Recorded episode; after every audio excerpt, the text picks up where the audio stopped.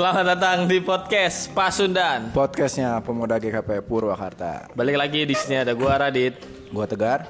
sama Bu Maria. Hari ini kita lagi-lagi Omi tidak bisa datang di episode kita yang sudah kesekian kali. Tidak apa-apa, Kenapa ya dia? masih kayaknya kan. Masih. masih masih pandemi Dan kalau ngomongin pandemi itu sih kita ngapain di sini? kita ini masuk ke ruangan ini tuh dengan protokol kesehatan yang luar biasa loh. oh iya loh Masalahnya Omi yang nggak luar biasa, protokolnya sih luar biasa, Ominya enggak. ya Kelihatan- dalam, kondisi pemulihan Ah, Iya pemulihan dia kan habis melahirkan ya. Iya. Butuh istirahat yang ekstra. Ya mudah-mudahan Omi cepat sembuh lah ya dari Amin. apa pun penyakitnya. Sebenarnya dia nggak sakit sih, tahu gue dia cuma males. mungkin mentalnya yang perlu dipulihkan Bener kan? Beberapa episode sebelumnya kita ngomongin Omi sakit mental. Oh, gitu. Sekarang Iya. dikonfirm sama pendeta di sini langsung. Sudah terbukti jadi. Sudah terbukti. Sudah terbukti. Oh, siap, siap. Ngeri ngeri Omi ya mudah-mudahan Omi cepet sehat lah ya. Eh Gar by the way HP lu mati. gue jadi nggak bisa lihat apa yang harusnya gue lihat dong. lihat apa sih Ya udahlah. Lihat waktu bu. lihat itu Masih yang lama, harus bisa lama. kelihatan aja nggak usah lihat yang nggak kelihatan Iya sih bu, tapi kan kadang-kadang kalau kita ngomongin yang kelihatan gak kelihatan tuh selain kita ngeliatin eh, kayak hantu, kita tuh juga hal yang gak kelihatan kan kayak masa depan. Lu pernah ngebayangin masa depan gak sih Gar? tuh kan Gila gue suka ngebayangin maksudnya, maksudnya kalau gue jago melihat masa depan ya gue pasti pasang judi online. itu hal yang pasti gue lakukan dong. Karena saya tahu itu nanti tim yang menang yang mana, skornya berapa ya gak sih? Hal-hal banyak hal yang menarik gitu. Kalau gue bisa lihat masa depan, gue akan melihat seperti apa masa depan gue dengan Natasha. sih. Lu gar gimana gar apa yang lu pengen lihat kalau seandainya lu bisa dibolehin ngelihat apa yang tidak dilihat apa yang tidak dapat dilihat Ya pasti sukses sih. Eh, eh, itu lebih ke harapan ya. Belum tentu di masa depan Anda sukses apa enggak. Yang harusnya Anda Ya. lihat lihat apakah Anda sukses atau, atau tidak sih Iya, kayak gitu ya. Tapi kan itu lebih ke harapan-harapan sih ya. Jarang ngebayangin sih. Ya udahlah, Jarang jalanin aja. oh tegar tuh lebih realistis dia mau ngelihat apa yang bisa kelihatan doang Orangnya nggak visioner memang. Eh, ya nggak tahu Kebetulan milioner. milion Waduh, waduh, waduh. pengen tahu Bisa, tabungan bisa. di emaknya udah berapa juta nih dibilang milion Masuk, hebat nih. Masuk. Kamu kalau pengen milioner, nah nanti kalau misalnya ada sponsor itu kosong tuh ya kata-kata itu bisa dimasukin lah ya tabungan apa gitu kita bisa lah ya. Cuma mau ngasih tahu aja di posisi itu kosong. Sebenarnya bisa dimasukin produk apa Bisa aja dong. boleh lah. bisa bisa. Bener kan? Benar. Ya, ya tapi maksud gue kenapa gue pengen lihat itu karena gak tuh ya kalau melihat masa depan tuh pasti pengen lihat yang indah-indahnya aja ya. Hmm, semua orang pasti, Pasti. sama melihat masa depan kalaupun diizinkan pasti pengen lihat yang indah-indahnya doang tapi juga ada juga sih yang pengen lihat masa depan itu karena penasaran apa yang akan terjadi Biar iya. kita bisa antisipasi sekarang Iya iya iya iya. iya. Kayak misalnya mungkin ini hal yang agak sedikit ekstrim ya. Kalau gue bisa lihat masa depan, mungkin gue bakalan lihat sejauh mana gue bertahan di dunia atau ya dalam kata lain gue kapan meninggal lah. Iya. Supaya gue tahu nih, hmm, di tanggal segini tahun ini aku meninggal. Oke, aku satu bulan sebelumnya aku akan berbuat baik. Atau dua bulan sebelumnya. Jadi Siapin- kayak ada ancang-ancang gitu loh. Siapin peti ya. Siap. Yang bagus ya. Iya, yang Harus bagus. ada tanda tangan Panji Pragiwaksono. Waduh. Waduh. Itu juga kalau dia belum meninggal ya.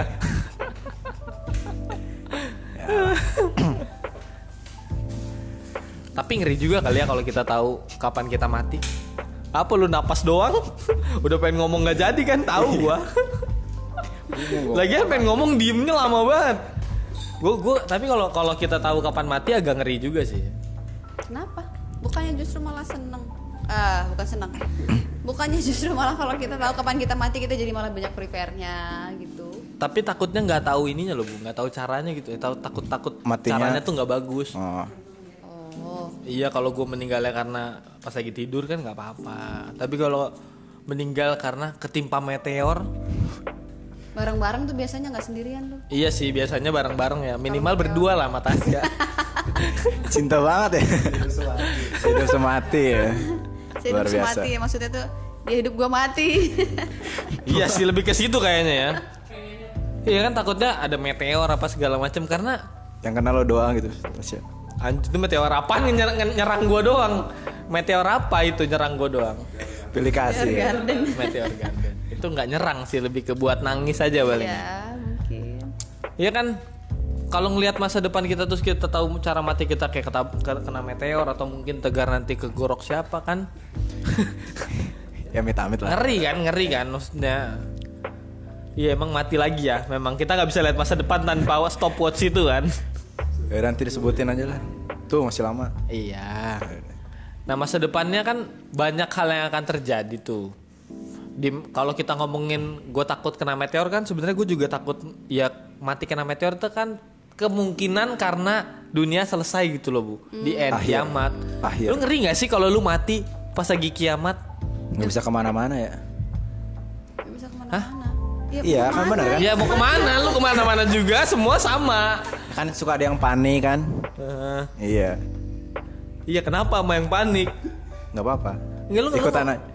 Pas nyata ya kiamat kan nggak bisa ke mana-mana ya udah. Cuma Iya, iya, itu situ. doang udah. ya begitu begitu juga mau ke sana Iya. kemari tetap gitu ya kan ayo ngebayangin kiamat ngeri sih makanya gue sih berharap meninggal sebelum kiamat ya Meninggal sebelum kiamat. iya pengennya mah karena kan kalau saya baca-baca tuh bu di wahyu ih ngeri ngeri bu ih Emang baca apa di kitab wahyu yang mengerikan? baca kitab wahyu katanya serem bu enggak ini Kenapa, gue baca ya Kenapa bisa serem? kitab wahyu gar wahyu berapa ya gar Waduh. Malah nanya ke gua. nanya ke gua. Enggak, emang tapi maksudnya Bu, Wahyu itu memang ciri khasnya kiamat-kiamat gitu kan. Dia menceritakan Oh, pandangan umumnya gitu maksudnya. Iya, Makanya kalau ngomongin kitab wahyu ngomongin kiamat. denger Apa dengar gitu Bu. apa kebetulan Wahyu itu ditaruh di belakang jadi ngomongin kiamat. Jadi di akhir apa? Oh, gitu tuh. Padahal Oh, ada kidung jemaat tuh abis itu. Stigmanya tentang wahyu. Iya, amin amin. Ya nggak sama kayak gitu. Banyak. Iya, bukan Wahyu eh Wahyu tuh yang Radit tahu tuh ya. Banyak ceritain soal kejadian kiamat termasuk Hmm. apa sih yang misahin Orang tua. Bukan apa sih? Gimana ya? Aing kok jadi lupa ya? Jadi nanti itu orang yang berbuat baik di saat kejadian itu tuh sekaya anjing dilepasin dari kandang gitu loh. Jadi loncat ke sana kemari loncat ke sana kemari saking senang. bahagianya seneng Oh, gitu. Kalau yang jahat? Nggak gue nggak inget sih apa katanya tapi tapi seinget gue ada kata-kata itu kan maksudnya menggambarkan sesuatu suah suasana yang sudah mencekam terus amburadul aja kayaknya orang ada yang gini ada yang gitu random aja random orang-orang Tapi pernah emang baca full gitu kitab wahyu kayak gitu ya? Enggak bu saya lebih ya? sebenarnya saya takut sih baca wahyu makanya saya cuman dengar cerita-cerita dari pertama dari orang tua lah ya bahwa banyak sekali hal-hal yang mengerikan di wahyu trauma jadinya. Iya, jadi kayak sampai sekarang gue masih nggak banyak baca wahyu sih. Mungkin hampir nggak pernah kali ya. Karena jarang juga kali bu kita renungan firman dari wahyu. Wah, berarti tergantung orang tua ya. Kalau menurut gue sih kayak gitu mah. Hmm. Soalnya dulu juga waktu aku masih kecil tuh diceritain tentang kitab wahyu itu dari pihak orang tua banyaknya nyeritain tentang itu tuh tentang apa tuh langit dan bumi yang baru. Di mana di eh, satu saat nanti tuh ya bahasanya orang tua kita dulu ngajarnya kiamat lah gitu orang jahat itu udah nggak ada lagi orang yang baik yang setia sama Tuhan tuh dikumpulin di tempat yang memang serba indah dengan di situ tidak ada lagi orang menangis karena menderita nggak ada rasa haus dan lapar. Itu gambaran yang bener-bener hmm, apa ya istilahnya indah banget deh. Sehingga gambaran itu tuh yang bikin aku tuh dari kecil tuh memang sih tahu ada cerita tentang kiamat-kiamatan gitu di kitab wahyu tapi nggak jadi ngeri ngeri nggak banget gitu. Mungkin karena perbedaan orang tua menceritakannya kali ya. Bisa jadi bu, karena kan yang kita tahu akhirnya mungkin sebagian besar dari kita wahyu itu adalah soal akhir zaman. Karena nggak diceritain soal akhir zaman di kitab lain, cuman di wahyu kayaknya. ada juga sih padahal ya Tuhan Yesus ngajarin tentang akhir zaman sih Ada sih, memang kurang dinotis tapi ya. Iya. Lebih banyak eh, merujuknya kalau udah mulai kiamat itu ngomongin pasti udah kitab wahyu di sini Iya. rata. Sebenarnya wahyu itu emang ada bahasan lain selain Kiamat. kiamat karena eh, jujur aja gue nggak nggak baca wahyu bukan orang yang suka baca wahyu Itu si Tegar tuh paling sering tuh baca oh ya setiap hari. wih gila sih gila sih emang tegar kan orangnya alkitabis banget ya Buset. Enggak lah. alkitabiah banget Pakar ya. Pakar. Ah, ya udah kita tanya sama pakarnya. Enggak, enggak, enggak. Pakar arwana Kar? memang bu. Salah ngomong gua. Pakar kan, pakar bukan. Pak- pakar bukan arwana tegar tapi. Pakar jadinya. Kerarwan. ya. Apa yang Tegar tahu tentang kitab Wahyu? Mungkin kali punya eh, perasaan atau pandangan yang beda kali dari teman dari gue gitu waktu kecil. T- Taunya waktu kecil tuh tahu kiamat tuh bukan dari si kitab Wahyu bu, gara-gara film bu. Film. Kiamat Film dekat. film 2012 ada lah itu. Iya benar. Itu Ya, juga itu. sama tuh base-nya on kitab Wahyu itu. Itu, Pasti, Bu. pasti itu juga kan. Oh, oh. Langsung baca Alkitab tuh. Wah, keren. Asli bener. Besok Ah, Baca Alkitab. Iya, dari kejadian dulu, kejadian satu ayat satu, oke. Besoknya enggak lagi udah. Besoknya udah enggak lagi. Besoknya Besoknya- kita baca kejadian pasal satu ayat Udah lah, lagi, pasrah aja. dah. Pasrah ya udah. Iya bener. Ya wajar Keren lah. ya, tapi. Karena tahun 2012 umur Tegar berapa sih? Berapa ya enggak tahu. itu ya efeknya ya efeknya film eh, tentang kiamat dan Ngeri memang efeknya juga kita dapat pelajaran tentang kiamat kiamat itu dari wahyu tapi ternyata nggak kayak gitu loh.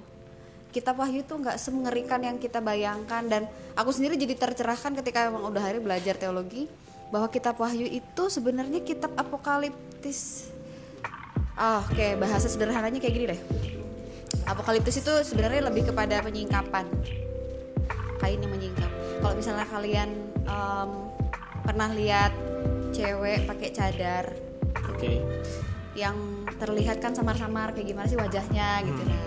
Membuka kain cadar itu namanya menyingkap.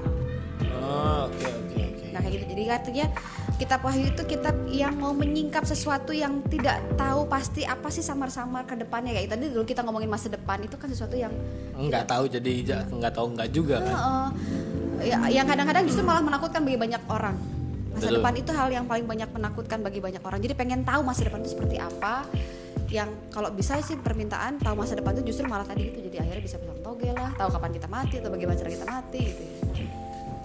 Misalnya, nah kitab Wahyu itu nuansanya ya nuansa seperti itu, nuansa yang eh, berupaya untuk menyingkapkan sesuatu yang memang mereka ingin tahu tentang masa depan. Tapi bukan bukan itu makna sesungguhnya dari apokalipsi apokalipsis ini tuh. Jadi kitab ini tuh mau berisikan tentang keyakinan bahwa Allah itu akan menyingkapkan sesuatu yang tidak terlihat oleh manusia yang sedang ngalamin sesuatu sekarang. Penulisannya itu di abad pertama saat jemaat Kristen mula-mula terutama yang menyebar ke daerah-daerah Romawi Yunani itu ngalamin penderitaan dan sengsara hebat banget.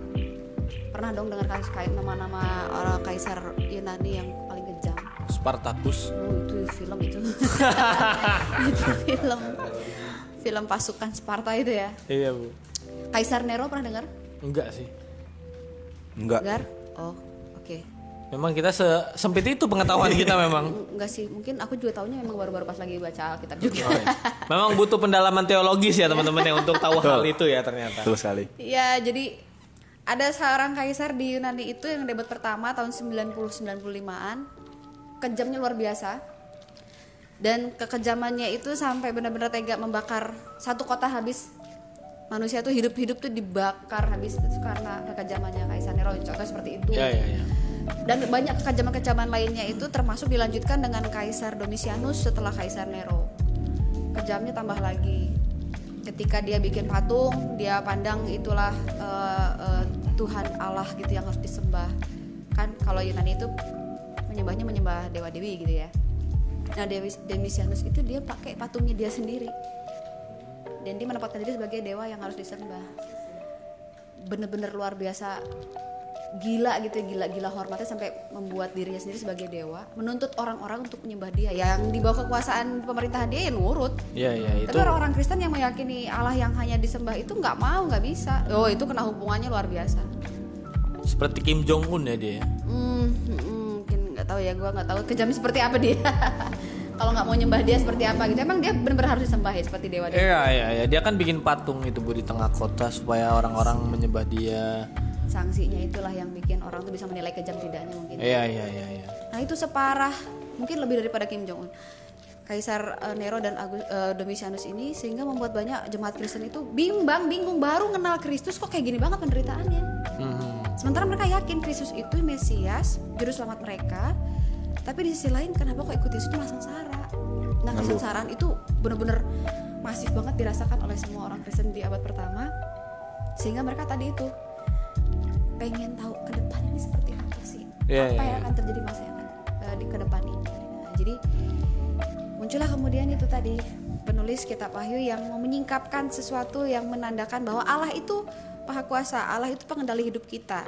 Sekarang kita sengsara, tapi nanti satu saat lihat Allah itu yang akan mengubah semua situasi menjadi sangat baik adanya. Maka siapakah orang itu yang menulis kitab Wahyu? Uh, namanya sih kalau di awal-awal di pasal 1 tuh dia ini sebagai Yohanes ya. Oke.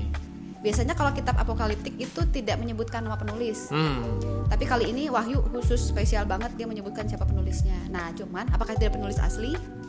Ada yang meyakini tradisi-tradisi bilang itu itu Yohanes eh, nabi. Hmm. Tapi juga ada yang meyakini itu Yohanes rasul yang menuliskan Injil Yohanes dan surat Yohanes yang 1 2 3 itu. Ya, oke. Dia menuliskan juga itu. Itu tuh tradisi keyakinan tentang siapa Yohanes yang menuliskan kitab Wahyu. Tapi ya itulah. Nah, khasnya kitab Wahyu atau kitab apokalipsis apokaliptis ini dia kalau menyingkapkan tentang masa depan pakai banyak-banyak simbol ke- eh, eh, apa istilah atau angka dan seterusnya itu loh. Ya, ya, ya, karena banyak banget angka di, di Wahyu. Kalau yang aku Hmm, Angka tahu, berapa yang paling sering keluar? angka 2 200 Bukan. Atau Empat dia ada puluh. lagi selain tiga ada lagi 7 tujuh. 7 itu nggak cuma di Wahyu, Bu. Di Alkitab 7 itu luar biasa. Banyak banget sih. Iya, kenapa ya? tujuh jemaat tujuh kaki dian kalau di, di kitab wahyu itu tuh ya ada kepala naga eh, kepalanya tujuh. Apa itu naga berkepala tujuh apa itu? Tujuh itu angka yang sangat dominan dan ditafsirkan bahwa itulah urutannya penguasa di Roma. Yang mau menggambarkan penguasa di Roma itu ada tujuh kaisar yang memang sangat kejam-kejam tapi ada lima kaisar yang sudah lewat sudah runtuh. Nah dua lagi ini siap-siap kekejamannya luar biasa Ronaldo sama Messi sih kayaknya. El Clasico ya. El Clasico banget. Clasico. kayak gitu-gitu tuh jadi khas banget kalau kitab wahyu itu pakai bahasa-bahasa simbol-simbol kayak gitu kalau nggak angka binatang atau hewan dan eh, simbol-simbol yang lainnya Hmm. termasuk simbol langit dan bumi yang baru itu juga sebenarnya simbol maknanya sih nggak sesungguhnya seperti itu nanti akan terjadi nggak bermaksud ke arah sana Ya, ya, karena agak-agak gimana ya. Kalau orang udah ngomongin wahyu, maka orang ngomongin kiamat yang udah deket. Orang suka suka itu tuh. Gue tuh sebelah sama orang-orang ya suka kayak kita ngelihat zaman sekarang gimana, kita baca Alkitab, kita udah nyampe mana. Hey, iya tidak seperti itu dong. Buat Alkitab itu nggak gitu dong. Masa kita memahami kehidupan lihatnya kayak gitu terus saya lihat, wah ternyata kehidupan kita udah mirip kayak di kitab ini. tapi nggak salah juga sih maksudnya memang ada beberapa cara pandang terhadap Alkitab itu kayak gitu. Nah yang begitu tuh yang memandang memandang bahwa "Eh, kita ini udah sampai di mana sih tahapannya? Yuk kita cek di Alkitab. Itu Mhm. kaum futuristik namanya itu. Kaum yang memandang bahwa masa depan itu semua ditentukan di Alkitab. Jadi kalau kita pengen tahu ah, bagaimana masa depan kita buka aja kitab Wahyu misalnya itu masa Hmm. depan kita. Itu dari tradisi orang yang futuristik seperti itu. Tapi gue yakin sih kalau misalnya kita bisa hidup bahagia di masa kini kita nggak usah takut masa depan malah banyak ada orang yang nggak pengen tahu masa depan seperti apa karena udah happy banget hari ini bahagianya hari ini itu udah cukup membuat kita jadi nggak penasaran masa depan seperti apa Iya karena mereka mungkin karena mereka juga udah bahagia dan mereka udah siap aja kali menempuh masa bisa depan. jadi Karena kayak "Ya udah pasti gue baik-baik aja masa depan. orang yang penasaran masa depan itu yang kayak Wahyu ini adalah orang yang berada dalam keadaan nggak Ketar ketir. ya, ketar ketir luar biasa Positif banget. Dan mungkin orang-orang yang ketar ketir kayak gitu ketika tahu masa depan tetap ketar ketir sih menurut gue. Lu bayangin gak sih orang yang ngeri-ngeri terus tiba-tiba tulisannya wahyu begitu? Kok serem banget ya gue aja sampai sekarang masih serem walaupun nggak baca sih sebenarnya. walaupun nggak baca, dengar dari orang tua dan be- berbagai sumber tapi tetap mengerikan gitu. loh. bacanya itu jangan yang pas ketar ketirnya yang bikin mengerikannya Emang ada bagian yang tidak ketar ketir? bagian yang itu tadi pasal 221 21 22 itu yang tentang nanti suatu saat akan ada tempat yang nggak ada tangisnya nggak ada ratap kertak giginya ibaratnya nggak ada Ah. penderitaan sama sekali lapar haus tuh nggak ada orang tuh sengsara nah orang yang baca kitab wahyu itu kadang-kadang melihat ke arah sananya. Padahal sebenarnya itu nanti kalau kamu taat setia ngikutin apa yang menjadi kehendak Allah situasi itu lu bakal dapat Hmm, hmm, hmm, harapan wahyu itu seperti itu. Jadi dia ngasih kekuatan ngasih eh, semangat. Kalau bahasa teologis itu dia dia mendampingi secara pastoral lewat sastra tulis. Ya ya ya ya ya. lu yang menderita sekarang tenang. Itu itu adalah situasi yang sementara doang gitu Kenapa jadi nyambung sama bahasan minggu lalu ya? minggu lalu kita bahas apa sih Ngebahas uh, itu ya pas launching Sadrak, urutan emang ya Sadrak, Sadrak, Mesak dan Abednego Iya, iya, tentang iya. ketaatan mereka yang luar biasa, apa akhirnya mereka tetap dapat perlindungan yang luar biasa juga dari Tuhan. gitu Mungkin ini juga kali ya yang yang yang harusnya kita lakukan ketika kita baca Wahyu. Ya kalau kita lihat di awalnya ngeri ngeri ngeri ngeri ngeri, tapi akhirnya itu kan bagus. bagi Mungkin orang yang melakukan, peng- kengeri ngeri ngeri itu melewati semua yang ngeri ngeri ngeri ngeri ngeri itu dan lu tetap bertahan tetap teguh Iya. maka lo akan mendapatkan hal yang baik seperti yang tadi Bu Pendeta bilang. Nggak ada kertak gigi nggak ada kelaparan banyak lonte ya kan? Wow. Boleh dong. Boleh, boleh. semua halal dong di surga. Gak tahu sih. tapi yang itu tidak tidak tercatat oke? Jadi jangan cari-cari jangan cari-cari lonte di kitab Wahyu. Emang tidak ada dong. Kan kita nih itu konsep bahagianya si Radit aja enggak bu enggak gitu ini kita konsep komedi itu konsep komedi konsep komedi karena kan bahagia gue kan bersama Tasya sih Eh, Jadi gue berharap sih di, di, di surga nanti ada Tasya aja di samping gue itu udah cukup. dengan 70 jenis Tasya ada Tidak. gitu ya oh, enggak 70. Isinya Tasya dengan ketidak ada kekurangannya tapi. oh gitu. Ya itu sih tadi tapi kata kuncinya itu Ya, ya, kitab ya. Wahyu itu dituliskan dalam situasi yang memang penuh penderitaan di jemaat mula-mula dan berharap bertahan orang yang bertahan dia adalah orang yang menjadi pemenang orang yang menang dia akan dapat mahkota di sorga nah, langsung. Oh. apa lagu sekolah minggunya Gar King Kong. Gimana sih? Kena bener sih. Enggak salah sih. Guru sekolah minggu. Lagu sekolah minggu ah, yang apa? Yang Baju putih, terus Iya. mahkota emas. iya itu apa coba Di pakai baju putih. Nah, Apa lagi? Nah, nah, nah, nah, nah, nah. Atas kepala mahkota emas. Haleluya, puji Tuhan. Nah, kalian semua tahu lah ya lagunya. ya puji Tuhan King Kong badannya, Badannya besar. ya kalian tahu lah ya lagunya. Berarti maksudnya hal-hal yang mengerikan soal wahyu kayaknya harus gue sudahi sekarang dan kayaknya gue harus mulai baca wahyu eh, mulai baca wahyu dari awal sampai akhir lagi sih ya. Oh. Supaya kita paham lah apa isi wahyu nggak cuma yang ngeri-ngerinya aja. Dengar tuh Gar. setuju setuju Kita nggak boleh takut lagi sama wahyu. Dan teman-teman yang denger ini yang tahu wahyu jelek-jeleknya doang Ya, Ini si Wahyu siapa sih yang kita omongin? Pak Wahyu. Waduh. Wahyu sumur tuh. Bukan yang sedot WC ya? Aduh.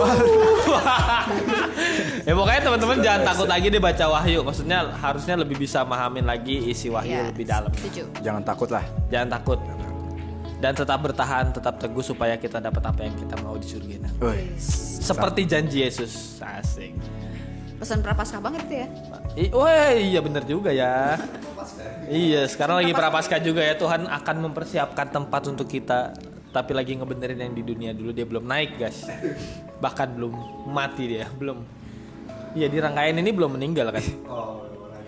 Di rangkaian. Enggak di dunia asli, dunia asli udah dong, sudah disalib dan mati, sudah bangkit, sudah naik ke surga. Sudah mantap. Ya pokoknya sejauh ini soal wahyu kita sih sudahi ya karena memang sudah merubah persepsi Sudah gua. tersingkap belum? Buset. Saya sih sudah ya dan sudah habis juga waktunya kebetulan. Thank you teman-teman udah mau dengerin uh, episode kita hari ini. Hari ini juga episode Dajjal kita yang pertama um, maksimal 30 menit dan masih berhasil dengan baik. Betul. Betul rasa. Enak ya. Enak enak enak gak perlu mikir panjang. Teman-teman jangan lupa follow IG kita di @pasundan.podcast. Jangan lupa juga follow uh, KPR Gereja Kristen Pura eh, KPR underscore GKP GKP Purwakarta. Terus jangan lupa juga teman-teman kita punya ibadah live. live setiap minggu. setiap hari Minggu. Ke- di jemaat. Oh, tiap hari. eh di YouTube. Di YouTube. GKP GKP Jemaat Purwakarta. Dan teman-teman ini tayangnya setelah tanggal 14 sih ya. Jadi Iya. teman-teman nanti kan tanggal 14 kita ada live nih namanya Namu di uh, YouTube channelnya Gereja Kristen Pasundan. Jadi teman-teman yang nggak sempet nonton live karena gue baru ngestos sekarang, teman-teman tonton ya. Jam 8. Enggak bebas karena kan udah Oh iya, bener. udah lewat live. Iya, bener. Teman-teman biasanya habis habis selesai live itu langsung diupload di YouTube. Jadi teman-teman bisa Iya. nonton dan teman-teman bisa juga persiapin gereja kalian karena Pasudan Podcast bakal datang ke gereja kamu. Untuk ngajak ngobrol kalian asik di acara Namu. Nongkrong asik anak, Anak muda, muda. bersama Pasudan Podcast. Saya Radit. Saya Maria. Saya Tegar. Sampai jumpa teman-teman. I love you. Bye-bye.